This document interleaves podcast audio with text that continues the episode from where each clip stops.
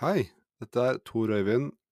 Jeg har begynt å lage noen videoer på YouTube om ulike temaer innenfor teologi og tro og tvil og sånne ting.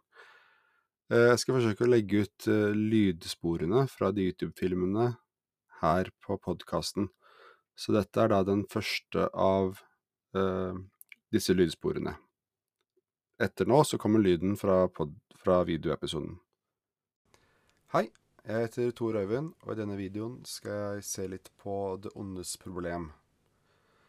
Eh, det her er da relevant innenfor eh, teologi, og eh, spørsmålet er jo hvorfor finnes det så mye ondskap og lidelse i verden, dersom verden er skapt av en god gud? Og det er jo en gammel problemstilling. Veldig kjent filosofisk utfordring. Um, det ondes problem er jo aktuelt fordi innenfor kristendommen, da, men også andre religioner, så har man eh, noen påstander om Gud. Eksempel dette med omnipotens, altså at han er allmektig. Som i da i trosbekjennelsen, man sier 'Jeg tror på Gud Fader, den allmektige, himmelens og jordens skaper'. Eh, videre så er dette her med omnibenevolent, eller omnibenevolens, som det er et fancy ord på at Gud er god. At den er uendelig velvillig og god. Um, som også er da en, en grunnleggende forståelse av Gud innenfor uh, kristendom, særlig da. Og så er det også mange andre påstander om Gud, uh, om at han er allvitende, allstedsnærværende osv., men de er ikke så veldig aktuelle i forhold til det ondes problem. Det viktigste påstanden om Gud som er relevante for det ondes problem, er at han er allmektig, og at han er god, eller at han er bare god. Eller så maksimalt god. Eh, og disse påstandene er det jo mange da som mener står i strid med hverandre. Hvis man er uendelig eh, mektig, så fører det til noen sånn filosofiske paradokser. Altså, kan Gud lage en stein som er så stor at han ikke kan kaste den eller løfte den? Ja. Eh, og da pleier man ofte å si isteden at eh, Gud er um, maksimalt mektig, eller maksimalt god. Eh, dette med det ondes problem, det er jo ikke noe nytt. Det har man jo hatt helt fra antikken. Og eh, Epikurus er jo en av de som har uh, framsatt dette her tidlig.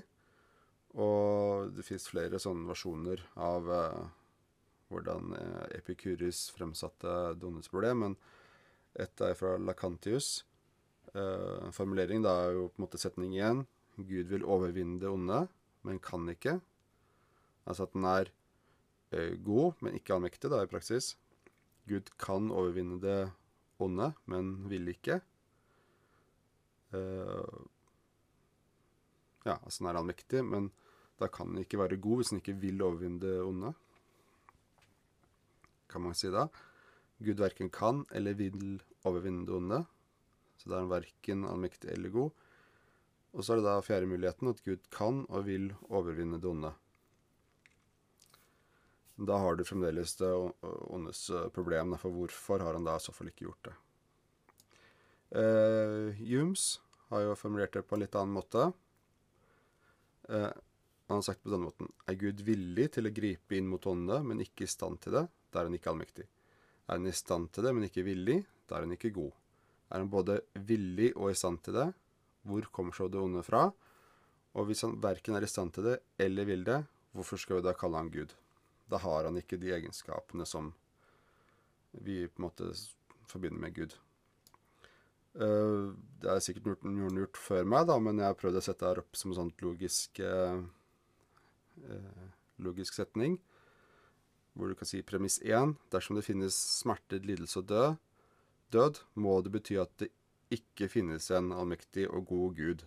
Premiss to det finnes smerte, lidelse og død på jorden. Og konklusjonen da det finnes ikke noen allmektig og god Gud. Så det er en måte å si det på for å på en måte gjøre det klart det, det ondes problem, da. At du kan ikke Eh, du kan ikke både ha en gud som er allmektig, og altså omnibenevolent, da, som det heter, altså at den er vennlig god samtidig. Det er et uh, paradoks. Uh, og dette her er jo ikke noe nytt. Så helt fra antikken så har jo da kirkefedrene håndtert, forsøkt å håndtere dette problemet og svare på det. Så jeg skal se på noen av de svarene, og de kalles for teodike. Teodike, tror jeg det sies på norsk. Eh, som er et ord for forsvar for Gud, da. Så kirkefaren Augustin, han ville si at eh, det er ikke skapt av Gud, men det representerer en mangel i skaperverket. Altså, ondskap er bare fravær av godhet. Eh, ja. Og da kan man jo svare på det igjen at eh, det er ikke godt nok. Det er hvis Gud har skapt hele jorden, at det er han som er ansvarlig for hele skaperverket, så må han også ta ansvar for eh, det som er ondt. Og det er liksom vanskelig å si at ondskap kun er fravær på godhet, for det finnes på en måte aktive hendelser som er onde. Kan si naturkatastrofe, noe som inntreffer uh, voldsomt uh, og brutalt. Det er sånn vanskelig å se hva, hva det mangel, at det er mangel på noe godt. Altså det, det, er jo Det representerer jo Det er en positiv kraft. Altså en positiv som vi på en måte det, det, er jo noe i seg selv. Ikke bare mangel på noe.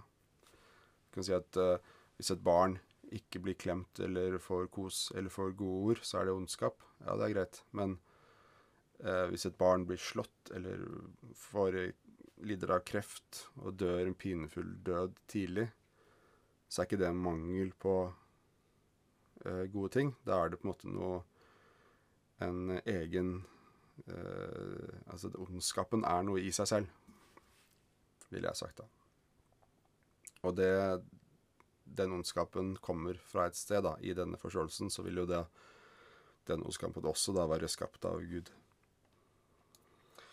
Um, Heraklit, han ville sagt at alt er skjønt, godt, rettferdig for guden. Altså, jeg tror det han uh, snakket ut fra et, et uh, førkristent perspektiv, jeg er ikke helt sikker.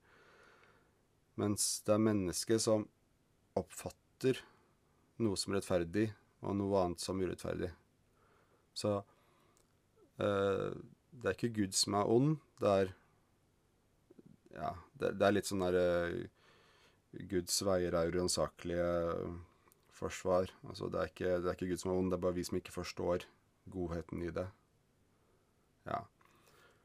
det er, da skylder man på en måte på menneskens oppfattelse av hvordan verden er. Og da er det sånn, ja Altså, men er det noe som er mer ekte og virkelig enn smerte, f.eks.? Du kan ikke unnslippe smerte. Smerte er der. Det er, det er så virkelig som det får blitt. Uh, litt rart å si at nei, for Gud så er den smerten du opplever, den, det er noe godt. Det er bare du som uh, tolker det feil. ja. uh, en annen tilnærming, som er representert ved John Hick i moderne tid, men som egentlig er en sånn gammel tradisjon som kalles ireneisk teodike. Og det, det tilsier at lidelse eksisterer for å gjøre menneskene robuste og fremme spirituell utvikling. Så at vi lever i en vanskelig verden og utsettes for eh, mange problemer for å på en måte herde sjelene våre på en eller annen måte. Sånn at vi skal bli forberedt på å kunne ha en, en slags spir, spir, spirituell utvikling. Ja, og Da kan man si ja, ok, men hvorfor er det så mye lidelse og så stort omfang? Hvis på en måte, lidelse er der for at vi skal lære av den. Ja, for det første, hvordan lærer du noe hvis du blir drept tidlig, f.eks. Som barn? Eh, hvordan kan man lære noe av det? Eller å dø en pinefull død som barn. Um, og hvorfor i det omfanget? Altså store naturkatastrofer, tsunamien på 2004. Flere hundre tusen mennesker ble drept. Eller holocaust. Altså Hvorfor må omfanget være så stort? Det gir ikke mening. Og så kommer vi til på en måte kanskje mer sånn klassiske eh, gudsforsvaret, som vi kjenner til veldig mange fra før. Og dette her er at det onde i verden, det skyldes menneskenes frie vilje. Og det er sikkert det er sånn som jeg, jeg regner med har blitt forsynt, eller som har blitt forsynt, og som jeg regner med blir forsynt fortsatt rundt omkring på, i kirker og bedehus. Og dette at uh, for at Gud skulle kunne gjøre det maksimalt gode mot menneskene, så måtte, måtte også da menneskene ha fri vilje. Uh, en god Gud som skaper mennesker, kan ikke eh, ikke gi menneskene fri vilje. Er man ikke lenger god. Og det at menneskene har fri vilje og kan velge selv om de vil følge Gud eller ikke følge Gud osv., det fører til at noen mennesker utfører onde gjerninger. OK, hvis vi aksepterer det så langt, da, så, så kan du si at det løser på en måte problemet med menneskenes onde gjerninger. Men da har du fortsatt all den naturlige ondskapen, kan du si, da. Altså lidelse, sykdom, som ikke er påført av mennesker, eller som følge av menneskers feil eller mangler. Og du har selvfølgelig alt av naturlige katastrofer igjen, da. Som du på en måte ikke kan, kan ikke skylde på tsunamien 2004. Kan ikke skylde det på menneskenes frie vilje. Og da Da har man jo et eksempel på som har vært vist ganske mange ganger på internett. Med hvordan en som da eh, får denne beskjeden om at jo, dette her skyldes fri vilje, og hvordan vil man da relatere seg til Gud? Se om jeg får til det her.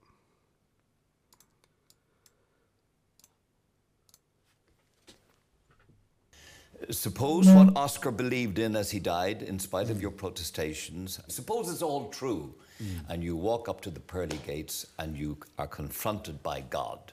What will Stephen Fry say to him, her, or it? I will basically, what's known as theodicy, I think. I, I'll say bone cancer in children? What's that about? How dare you? How dare you create a world in which there is such misery that is not our fault? It's not right. It's utterly, utterly evil. Why should I respect a capricious, mean minded, stupid God who creates a world which is so full of injustice and pain? That's what I'd say. And you think you're going to get in no, on that? But I wouldn't want to. I wouldn't want to get in on his terms.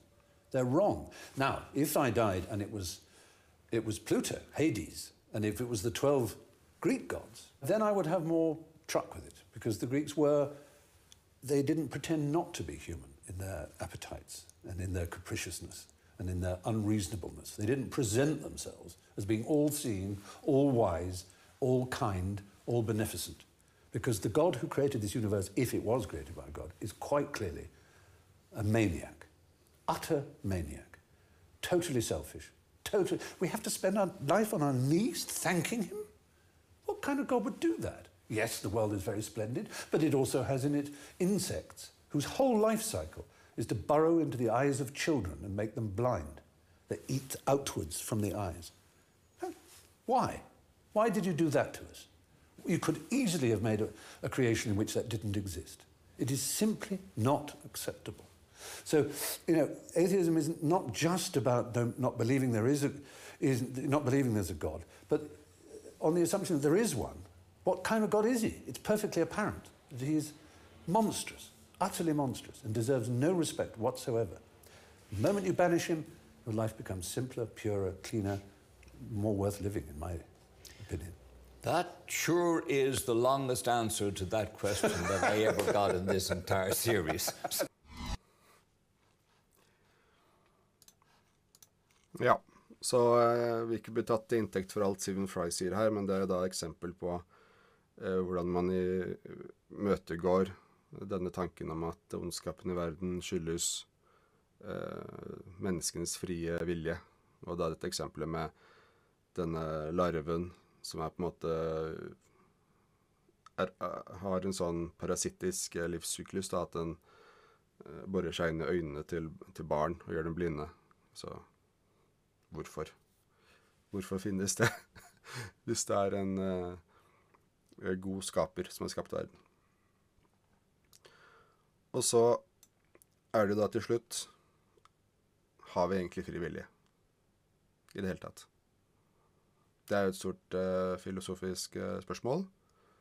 Og mange, sånn som jeg forstår det, ledende tenkere tenker at vi ikke har fri vilje. Uh, ja.